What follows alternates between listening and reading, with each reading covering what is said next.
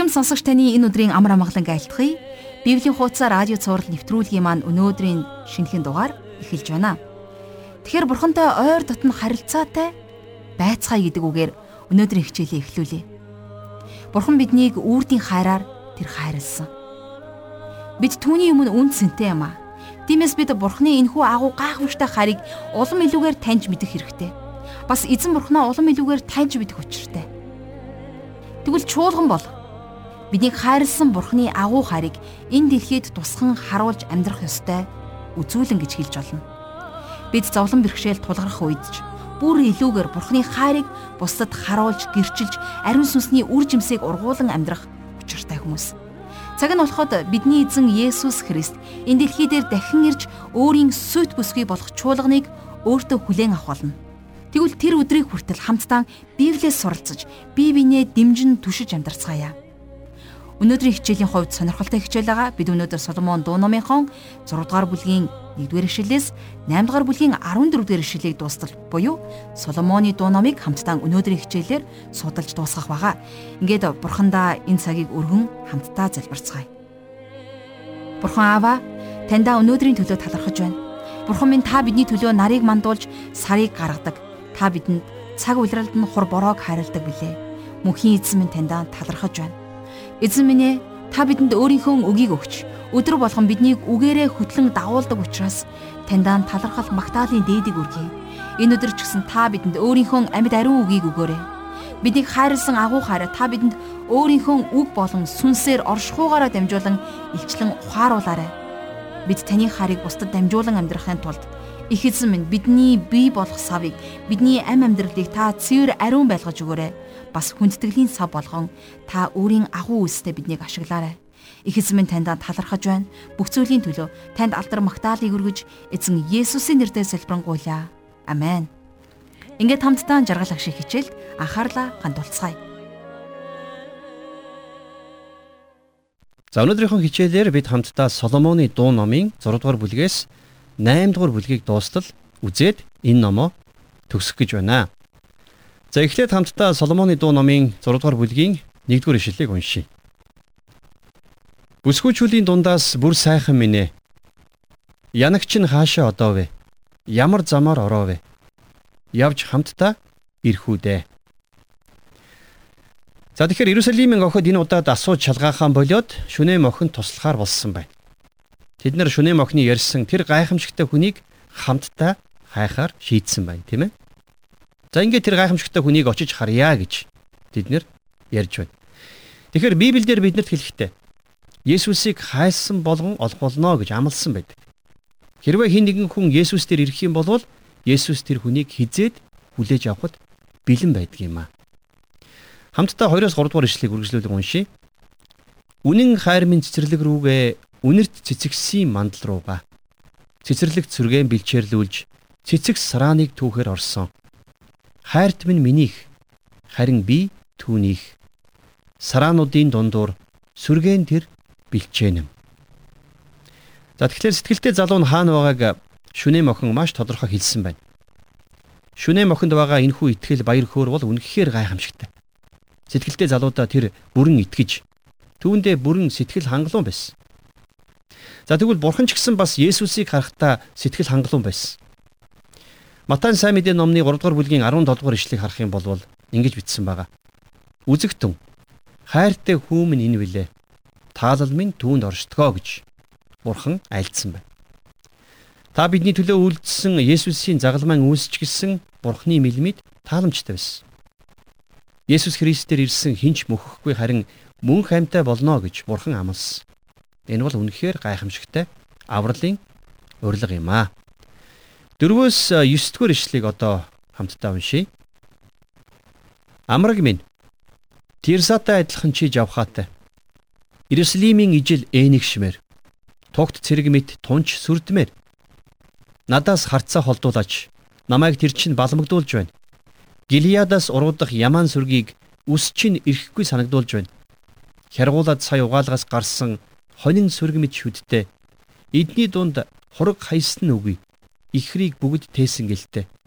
Хацар шанаа нь гівлүүр цаана анар жимсний зүсэн маятай.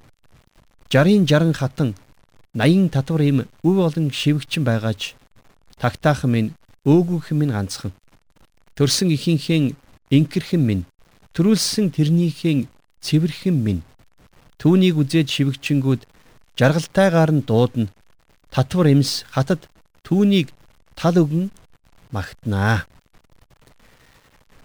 За ингээд өөрийг нь хайн зүдэрч явсаар ирсэн шүнээ мохинд хандаж Соломон хаан ингэж хэлсэн байна тийм ээ.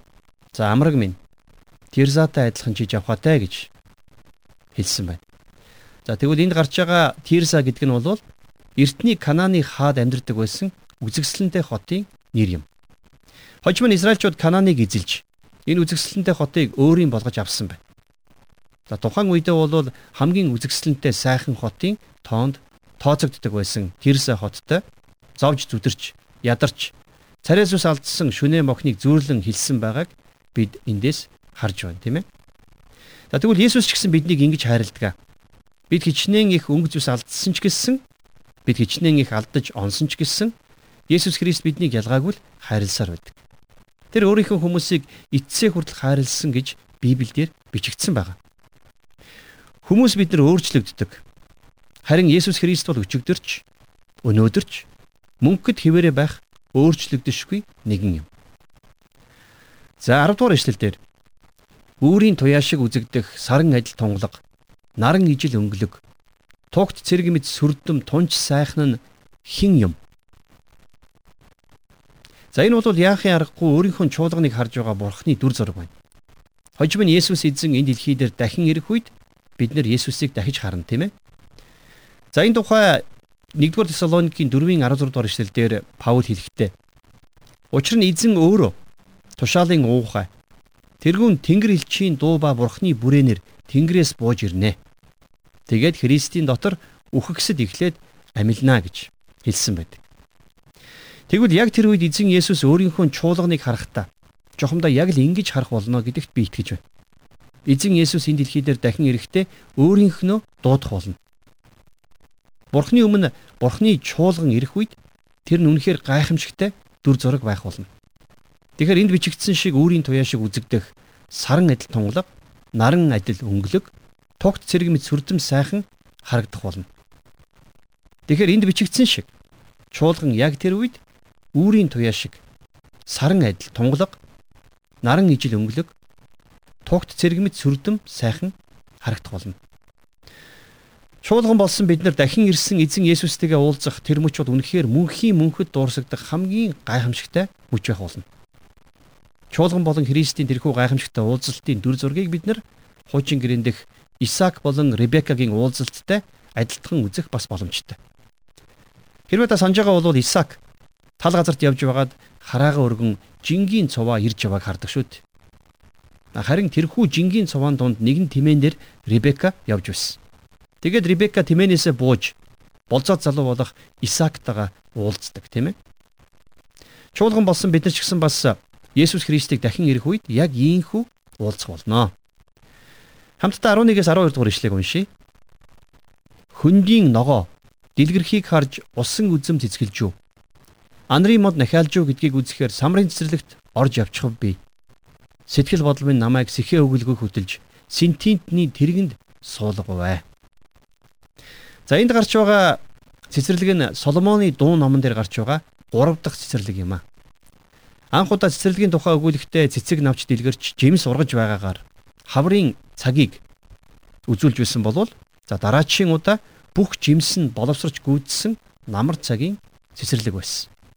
Харин тэгвэл энд гарч байгаа цэцэрлэг нь бол усан үзэм цэцэглэх анрын мод нахиалахыг буюу за хаврыг хүлээж байгаа цэцэрлэг байна. Өөрөөр хэлэх юм бол өвлийн сүүл сарын үе гэж бид нар ойлгож болохоор байна. Хэдийгээр өвөл хүүтэн боловч өвлийн дараа үргэлж хавар болдог. Үүнийг зарим алдартай Библийн багш нар Есүсийн тэнгэрт одсон үйл явдалтай адилхан тайлбарладаг. Дагалдагчдын хувьд Есүсийн амлсан ариун сүнсийг хүлээх тэр үед бол магадгүй өвөл шиг санагдсан баг. А гэхдээ ариун сүнс тэдний дээр буух үед бүх зүйл өөр болсон. Яг л өвлийн дараа хавар болохтой адилхан.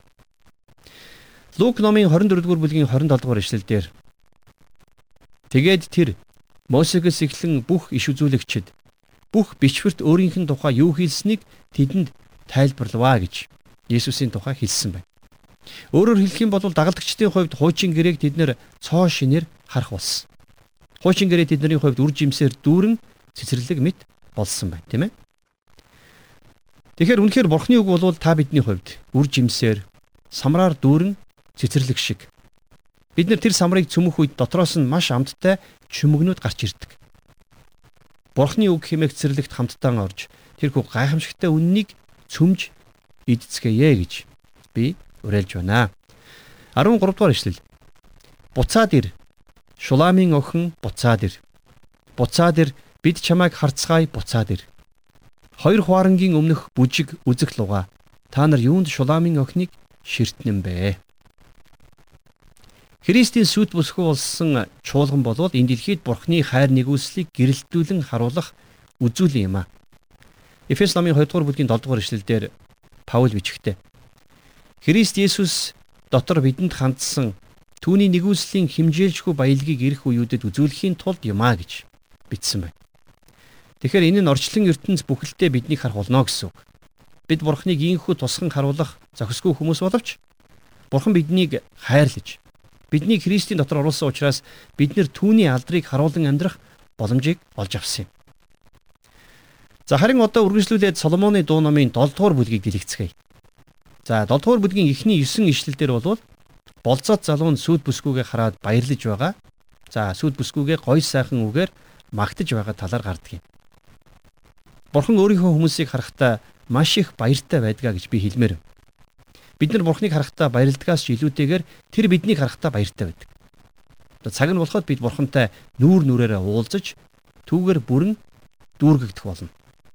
Харин тэр цаг үеийг хүртэл бид нар Бурхныг хизээч бүрэн дүүрнээр мэдэрч түүнийг бүрнээр хайрлаж чадахгүй. Харин Бурхан биднийг гайхамшигтайгаар хайрлсан хിവэр байдаг. Хамтдаа 10 дугаар ишлэгийг уншийе. Хайртай түүнийх бий билээ. Харин хүсэл нь минийхэн төлөө. За тэгэхээр энэ нь өмнө нь бид нэр хоёр ч удаа хайрт байна. Минийх харин би түүнийх гэж хэлж байгааг бид нар уншиж байсан. Харин энэ удаад бол энэ үгийг арай өөрөөр хэлсэн байгаа биз? Юу вэ гэхээр энд сүд бүсгүй нь хайртай түүний минь хүсэл миний төлөө байдаг юм а гэж хэлсэн байна тийм ээ. За тэгвэл ба штэ. Итгэгч бидний хувьд та бидэнд хандсан Христийн хүслийг таньж мэдэх хэрэгтэй. Эзэн Иесус биднэрт үргэлж хамгийн сайхныг хүсдэг. Харамсалтай нь бид нэр тэр болгон тэр гайхамшигтай хүслийг нь анзаардаг. Тэгээ тэр хүслийг мартаж үл тоож амьдардаг.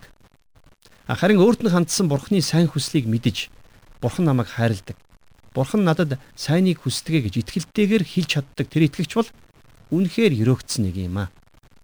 Тэгэхээр бид нар бол бурхны нэгүүлсэнгүй хүслийн эзэд байх нь шүү дээ. За одоо харин 8 дугаар бүлгийн 1 дугаар ишлэлийг дэлгээд хамтдаа уншийе. Ээдэ чи минь ахтай минь адил ижи минь мөөмийг хөгсөн ч болоосай. Ил гадаа таарлаач чамайг би үнсгсэн. Ингивгээд хинч намайг эс жигшгсэн. За их сонирхолтой юу вэ гэхлээр энд нэг ихээс төрсэн ах байсан болоосай гэж хүсэж байгаа нь их ойр дотн тийм харилцааг хүсэмжилж байгаагийн илэрхийлэл байна тийм ээ. Есүс Христ бол бидний хувьд яг үнэндээ ахтай адилхан. Еврей номын 2 дугаар бүлгийн 16 дугаар ишлэгийг харах юм бол учир нь тэр үнэхээр Тэнгэр элч нарт биш харин Авраамийн үр удамд санаа тавьдгаа гэсэн их чухал үг байна. Есүс бидний төлөө бидэнтэй адилхан мах цустай хүн болж энэ дэлхийд ирсэн. Чамайг үнссэн ч хинч намайг жигшихгүй байх байсан гэж Соломон энд дуулсан байна. Өнөөдөр маш олон итгэгчид олонний өмнө Есүс Христэд итгэдэг гэдгээ хүлээн зөвшөөрөхөөс айдаг. Хэрвээ та Есүст хайргүй бол хайртай гэж хэлэх шаардлагагүй шүү дээ. Харин таныг Есүст хайртай гэдгийг амьдрал чинь харуулж байгаа бол та энийг хэллээгээд хинч таныг жигшихгүй. Тийм биз? За хамтдаа 8 дугаар бүлгийн 5 дугаар ишлэгийг одоо уншийе. Эзгүй хээрээс хайртай түшсээр ирж яваа тэр хинбэ? Игчин чамтай зовж байсан энэ эмэгтэй чамайг зовж төрүүлсэн. Энэ л альмийн модон доор чамайгаа би сэргээв биш үү? За хамгийн эхлээд энд хайртай түшсээр ирж яваа гэсэн үг гарч байна тийм ээ. За тэгвэл жинхэнэ итгэгч хүн бурхнаас хамааралтай байдаг. Бид нар бүгдээрээ Бурхны хайранд түшиглэн амьдарч байх ёстой. Исаи номын 40-р бүлгийн 31-р эшлэлдэр ингэж бичсэн байна. Харин эзэнд найдагчд хүчээс илбэнэ. Тэд бүргэд мэд жигүүр дээрээ илэн хайлна. Гүйлэж үл туйлдна, алхлаач ис цуцнаа гэсэн байна. Тэгэхээр та бид нар Бурхныг түшиж, Бурханд найдан амьдрах үедээ бол бид нар яг бүргэд шиг илэн хайлдаг. Бид анхандаа өөрсдийн хүчээр амьдрахыг хичээдэг ч гэсэн цаг мөч өнгөрөх тусам Бурханаас ангид юу ч хийж чадахгүй гэдгээ ойлгож авдаг. Бид нар чин сэтгэлээсээ ингэж идэх тэр цагт Бурхан та биднийг өөрийн алдрын төлөө гайхамшигтайгаар хэрглэж эхэлдэг юм. За 6 дугаар эшлэлдэр тамга болгож зүрхэндээ намайг тавиач. Гар дээрх тамгаа болгооч. Юун гэвэл хайр үхэл шиг хүчтэй. Тачаал бол үхэгсдийн орон шиг хэцүү. Түүний дүл, түүмрийн дүл, дүрсхийн асах галын дүл гэсэн байна. За. Энд хайр үхэл шиг хүчтэй гэж хэлсэн байна, тийм ээ. Есүс биднийг хайрлсан учраас бидний төлөө амиа өгсөн. Есүс загламын зовлон бидний төлөө эдэлсэн. Яагаад гэвэл тэр бидэнд хайртай. Тэгэхээр энэний нэгэн адил итгэгч нар бид нар ч гэсэн бас Есүст хайртай учраас ам бие хайрлалгүй зориулах учиртай.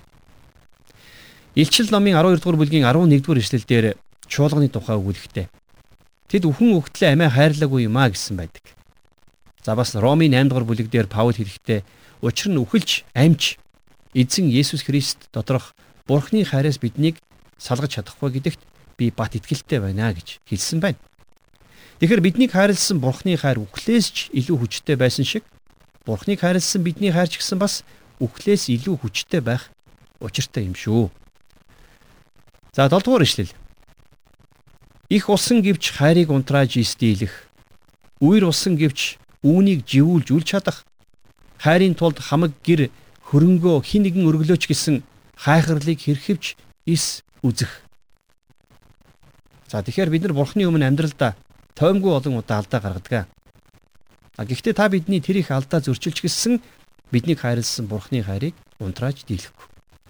Бидний гим нүгэл үерийн ус шиг их байсан ч гэсэн биднийг хайрлсан Бурхны хайрыг живүүлж чадахгүй. За дараагаар нь хайрын тулд хамаг гэр хөрөнгөө хин нэгэн өргөлөөч гэсэн хайхарлыг хэрхэвч ис үзэх гэж бичигдсэн байна тийм ээ. Бурхан биднээс эд хөрөнгийг хүсдэггүй юм аа. Тэр бидний үйлчлэлийг ч хүсдэггүй харин биднээс хайрыг л хүсдэг. Хэрвээ бидэнд хайр байхгүй бол бидний үйлчлэл, бидний өргөл, бидний үйл хэрэг ямар ч утга учиргүй байгаа юм. За тийм учраас 1-р Коринтын 13 дугаар бүлэг дээр ч гэсэн Илч Паул энийг маш тодорхой хэлсэн байдаг шүү дээ. За 8 дугаар ишлэл. Өртөж үзэгдэх хөх үгүй өчүүхэн дүүдээ бидэнд бий. Түүнийхээ талаар ярилцах өдөр ирэхэд дүүгийнхээ төлөө яавал бид зохилтой. За энд гарч байгаа өчүүхэн дүүдэ гэдэг нь хари үндэстнүүдийн чуулганыг төлөөлсөн зураглалаа гэж Библийн багш нар тайлбарладаг юм. Тэгэхээр анхны үеийн чуулгануудын хувьд бол энэ их чухал асуулт байсан. Үйлс номын 15 дугаар бүлэг дээр Иерусалимийн зөвлөлөөр Мосегийн хуулиас салахыг хүсэхгүй байсан. Еврейн итгэгчд болон за еврей бус итгэгч нарын хоорондох зөрчлийг үгүй болгосон байдаг. За хари үндэстнүүдийн хувьд гэх юм бол хэдийгээр тэд нэр гадныхан байсан ч гэсэн Бурхан тэднийг өөртөө дуудсан. За ингэж бид чуулганы нэг хэсэг болсон юм. 9 дугаар ишлэл. Хан байсан бол дээгүүр нь мөнгөн цайз барихсан. Хаалга юмсан бол түүнийгэ хушин банзаар бүргсэн гэсэн байна. За тэгэхээр харь үндэстнүүд бурхнаар хүлээн зөвшөөрөгдөж бурхны чуулган болсон учраас Эфес номын 2 дугаар бүлгийн 22 дугаар ишлэлээр бичигдсэнчлэн тэд нар ч гэсэн бас сүнс дотор бурхны орших газар болохоор Христийн дотор хамтдаа байгуулагдаж байна. Еврей бос үндэстнүүдийн чуулганыг хүлээн зөвшөөрөхдөө Яаков яг л ийм игч чуулганы сэтгэлээр хандсан байдаг. За Үлсийн 15 дугаар бүлгийн 19 дугаар ишлэлдэр Тиймээс миний санаа бол харийнхын дундаас бурхан өөд эргэж байгаа хүмүүсийг дарамтлахгүй байх нь дээр юм а гэж Яаков хэлсэн байдаг шүү дээ. Ингээд Иерусалимийн зөвлөлөөс харь үндэстэн итгэгчдийг Мосегийн хуулиар дарамтлах шаардлагагүй. Тэднийг байгаагаар нь хүлээн авч тэднийг итгэл дотор нь барьж байгуулах нь чухал юм а гэдгийг хүлээн зөвшөөрсөн байдаг юм а. За 10 дугаар ишлэл. Амар тайвныг авагч нэгний алаг хоёр нүдэнд нь хан хэрэм байлаа би харин хөх минь цамхаг боллоо. За энэ бол дүү охины баяр хөөрийн илэрхийлэл байна. Тэгэхээр энэтэй холбоотойгоор Үлс номын 15-ын 31 дугаар эшлэгийг харах юм бол харин үндэстнүүдийн чуулганд хандан бичсэн зөвлөлийн загтлыг уншаад тэд нар маш их баярлсан тухай гардаг. Тэд нар одоо харь хүмүүс биш. Харин чуулганы нэг хэсэг. Чуулганы нэгэн хан хэрэн болсондоо тэд нар маш их баяртай байсан. За дээрэс нь одоо би танд Эфес номын 2 дугаар бүлгийн 19-с 22 дугаар ишлэгийг уншиж өгье. Энд ингэж бичсэн байна. Тийм бол та нар цаашид гадныхан болон ирмэл хүн биш. Харин ариун хүмүүсийн адил нутгийн иргэд бөгөөд бурхны гэр бүлийн юм аа. Та нар элчнэр болон иш үзүүлэгчдийн суурин дээр босгогдож байгаа бөгөөд Христ Есүс өөрөө булангийн чулуун ажээ. Түүний дотор бүх барилга холбогдсон эзэн доторх ариун сүм болохоор өсөж байна. Та нар ч гэсэн сүнс дотор Бурхны орших газар болохоор Христ дотор хамтдаа байгуулагдаж байна гэж бичсэн байна. За түрүүн дээр 10 дугаар эшлэл дээр харин хөхмийн цамхаг боллоо гэж энд бичигдсэн нь харь үндэстнүүдийн чуулган өсч өргөжин тэлж үе болон үндэстнүүдийг бурхны үгийн сүгээр тижээх болсны зураглал юм а гэж Библийн багш нар үздэг. Тэгэхээр харь үндэстнүүдийн чуулган асар хурдтай өргөжин тэлж илч чуулган болон еврейчүүдийн чуулганаас ч илүү үр жимстэй үзэгсэлэнтэй чуулган болж чадсан байна. За энд гарч байгаа дүү охин гэсэн санааг бол бид нар өнөөдөр сайн мэдээ сонсоогүй тэр улсын үндэстнүүд гэж хөрвүүлэн ойлгож болно. Тэгэхээр өнөөдөр энэ дэлхий дээр Есүс Христийн тухай огт сонсоогүй гэсэн болоод түүн рүү эргээгүй байгаа олон олон үндэстэн яснууд байгаа. Тийм учраас Ром номын 10 дугаар бүлгийн 14 дугаар ишлэлдэр тэгвэл түүнд итгээгүй тэд яаж түүнийг дуудах вэ? Түүнийг сонсоогүй тэд яаж түүнд итгэх вэ? Тэд тунхаглагчдгүйгээр яаж сонсох юм бэ гэж бичигдсэн байдгийг бид нар санах хэрэгтэй. За 8 дугаар бүлгийн 11 дугаар ишлэгийг одоо уншийе. Соломон Баал хамуунд усан үзмийн цэцэрлэгтэй ажээ. Мянга мянган мөнгийг жимсний төлөө өгдөг манаач нарт түүнээ даатгажээ. За энд гарч байгаа Соломон бол мэдээж Есүс Христийн бэлэгдэл. Харин сүд бүсгүй буюу шүнэм охин болвол еврей болон харь үндэстнүүдийн чуулгануудыг нэгтгэсэн өнөөдрийн Христийн чуулганы бэлэгдэл. Тэгэхээр энд гарч байгаа манаач нар гэдэг нь бол Израиль үндэстнийг хэлж байгаа. Бурхан өөрийнхөө цэцэрлэгийг эхлээд Израильчуудад хариуцсан. Санж байна уу? Есүс Матай номын 21-ийн 33-аас 46 дугаар ишлэлдэр энэ тухай сургаал зөвлөлөөр ярьсан байдаг. Усан үзмийнхээ талбайг нэгэн эзэн хүмүүс түрээслүүлээд холын аянд мордсон тухай гардаг тийм ээ. За ингээд ургац сураах цаг болоход тэр хүн зарцнараасаа илгээж түрээсээ авах гэсэн боловч түрээслэгч нар тэр зарц нарыг нь зодохын зодож за бүр заримыг нь хөнөөсөн байдаг. Эцэст нь мань газрын эзэн хүүгээ илгээсэн. За ингээд юу болсныг Матай 21-ийн 38-аас 40 дугаар ишлээс харах юм бол тариаланчид хүүг хараад өөр хоорондоо эн чин өв залгамжлагч нь байна. Ирцгээ түүнийг алж өв хөрөнгийг булаацгаая гэжээ. Тэгээд түүнийг барьж усан үзмийн талбайн гадна гаргаж хаяад түүнийг алав. Тэгвэл усан үзмийн талбайн эзэн ирээд тэдгээр тариаланчдыг яах вэ? За ийм асуултыг Есүс тавьсан байдаг. Тэгэхээр энэ асуултын хариулт бол үнэхээр энгийн. Мэдээж газрын эзэн иргэн ирээд тэр бүх тариаланчдыг устгаж талбайгаа өөр хүмүүст түрээслэх болно. За 12 дугаар ишлэл. Өөрийн минь би үзмийн цэцэрлэг өөрөө би энэ байна. Өө Яахов Соломон танд мянган байг үр жимсний манаач нарт 200 очгээ. За энэ хүү цэцэрлэгийг хариуцсан манаач нар цалин өгөх тухай энд хэлсэн байгаа. Тэгэхээр үр жимсний манаач нарт 200 очиг гэж бичигдсэнчлэн энэ хүү цэцэрлэгийн төлөө ажиллаж байгаа хүмүүс хөлсөө авах эрхтэй юм аа. 1-р Коринтын 9-р бүлгийн 14-р эшлэлдэр гардаг нэгэн чухал зарчмыг би энд уншмаар байна. Түүнчлэн сайн мэдээг тунхаглагчд сайн мэдээгээр амь зуухыг эзэн тогтоосон ажээ гэж хэлсэн байдгийг. За дээрэс нь Соломон танд мянган байгээ гэж хэлсэн нь эзэндээ бүх ашгаа өгөх болно гэсэн амлалт юм. Бидний чуулганы бүх алдран зөвхөн бурханд өргөгдөж байх учиртай. За хамгийн сүүлчийн 14 дугаар ишлэгийг одоо уншийе. Янаг минь чи яарч үзээрэй. Анхил үнэртний уулс дээрээ. Танхил буг гөрөөс мэт байгаарэ. Сүд бүсгүй нь Соломоны сан үзмийн цэцэрлэгийг хариуцсан үлдэхтэй хурдан эргэж ирээрэ гэж гуйж байна тийм ээ. За энэ бол яахын аргагүй илчил номын хамгийн сүүлчийн үгстэй дүүцэж байна. Илчил номын 22 дугаар бүлгийн 20 дугаар ишлэлдэр эдгээр зүйлсийг гэрчлэгч тэр тийм ээ. Би удахгүй ирнэ гэж айлдаж байна. Амен. Ирээрэ эзэн Есүсээ гэж хэлсэн байдаг. Хэрвээ бид нэр эзэн Есүсийг таньж мэдээгүй бол түүнийг хайрладаггүй бол түүнтэй нөхөрлөөгөө болвол энэ үгийг чин сэтгэлээсээ хэлж хэн чадахгүй.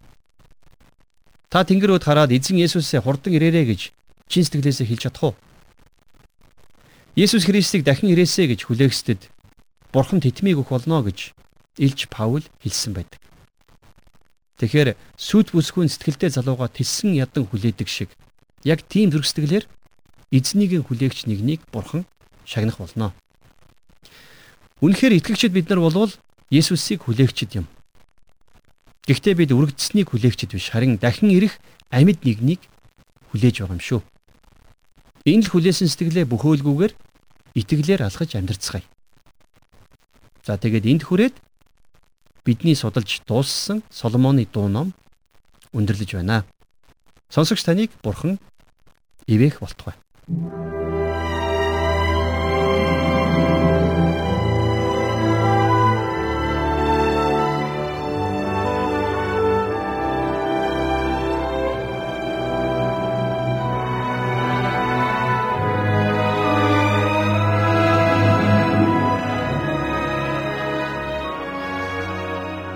Өнөөдрийн хичээл үнэхээр сонирхолтой гайхамшигтай байлаа. Бид өнөөдөр Соломон дуу номын 6 дугаар бүлгийн 1-р ишлэлээс 8 дугаар бүлгийн 14 дугаар ишлэлийг хүртэл буюу Соломоны дуу номыг энэ хүргээд өндөрлөж байна. Хичээлийг зааж тайлбарлаж өгсөн багштаа маш их баярлалаа. Тэгвэл бид дараагийн хичээлээр шинэ гэрээний нэгэн номноос хамтдаа үзэх болно. Маш олон хүн Христ сэтгэл уйдгартай гэж ярихдаа яг үнэндээ хийх юм олддгүй гэж ярьдаг. Тэр хүмүүсээс сайн мэдээ мэдэхгүй зовж шаналж байгаа хүмүүст сайн мэдээ ярьж өгөхгүй мүү? Хайр халамжаар дутагдж байгаа хүмүүс үүнийгээ хуваалцахгүй мүү гэж асуумар санагддаг. Тэгвэл бид Есүс Христийг энэ дэлхий дахин ирэх өдрийг хүртэл сайн мэдээ тараах мөн ядуусыг инэрх асрах ажлыг хийсээр байх болно. Бид өмнөндөө хүмүүсийг аврахын тулд тунч завгүй ажилдаг Бурхны дэлхий дээр байгаа хүүхдүүд нь. Тэм учраас сонсогч таныг би нэгэн зүйл дээр урайлан ятгаж байна өөрсдийн томилогдсон дохоогдсон үйлчлэлдээ итгэмжтэй баяр хөөртэй байцгаая. Тэгэхээр өнөөдөр бид хамтдаа Соломон дуу номыг үзэж дуусгалаа. Сонсогч та хичээл нэг болгонтэй хамт байж, бичиж, тэмдэглэж, мөн бидэнтэй нэгдэн залбирч үйлчлэлд маань нэгдсэнд сонсогч танд маш их баярлалаа. Тэгэхээр дараагийн шинэ хичээлээр эргэн уулзтлаа. Өнөөдрийн хичээлийнхаа төлөө бурхан талархаж мөн хэрэгжүүлэх боломжийг ч гэсэн түүнээс эрэлхийлэн гуйж залбирцгаая. Бурхан Аава таньда өнөөдрийн төлөө талархаж байна. Та биднийг хайрлаж, та бидний төлөө өөрийнхөө хүү гэлгээсэн учраас баярлалаа Бурхан Аав минь. Есүс Христ бидний төлөө амиа өгч, бидний төлөө үхлээс амилж, мөн бидний төлөө тэнгэрт оцсон учраас танд бүх алдар магтаалыг өргөе. Тимээ Бурхан минь, Эзэн минь. Эзэн Есүс Христийг аврагчийг дахин ирэх өдрийг хүртэл биднийг итгэлээрээ бац цогсоход та туслаарай. Мөн итгэлээрээ гим зэмгүй, толбгүй олдоход та бидэнд тусалж та бидний нүмер нөөлөг байгаач. Их эзэн минь тантай улам илүү ойрхон харилцаатай байж улам дотн нөхөрлөж таны хайрыг энэ дэлхийд улам илүүгээр гэрэлтүүлэн харуулж амьдрахыг бид хүсэмжлэн залбирч байна. Эзэн та биднийг тослооч. Аава та биднийг үйлчлэлд сойрхон дуудаач. Эзэн та биднийг өөрийнхөө алдрын төлөө биднийг илгээгэж гэж гуйж байна.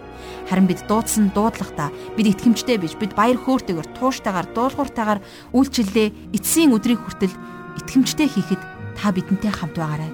Их эзэн минь бид өөрсдийнхөө нөөц бололцоо бид чадвар эсвэл бид өөрсдийнхөө эрх чадлаар биш зөвхөн ариун сүнсний эрх мэдэл дор бид үйлчлэл хийх хүсэж байна.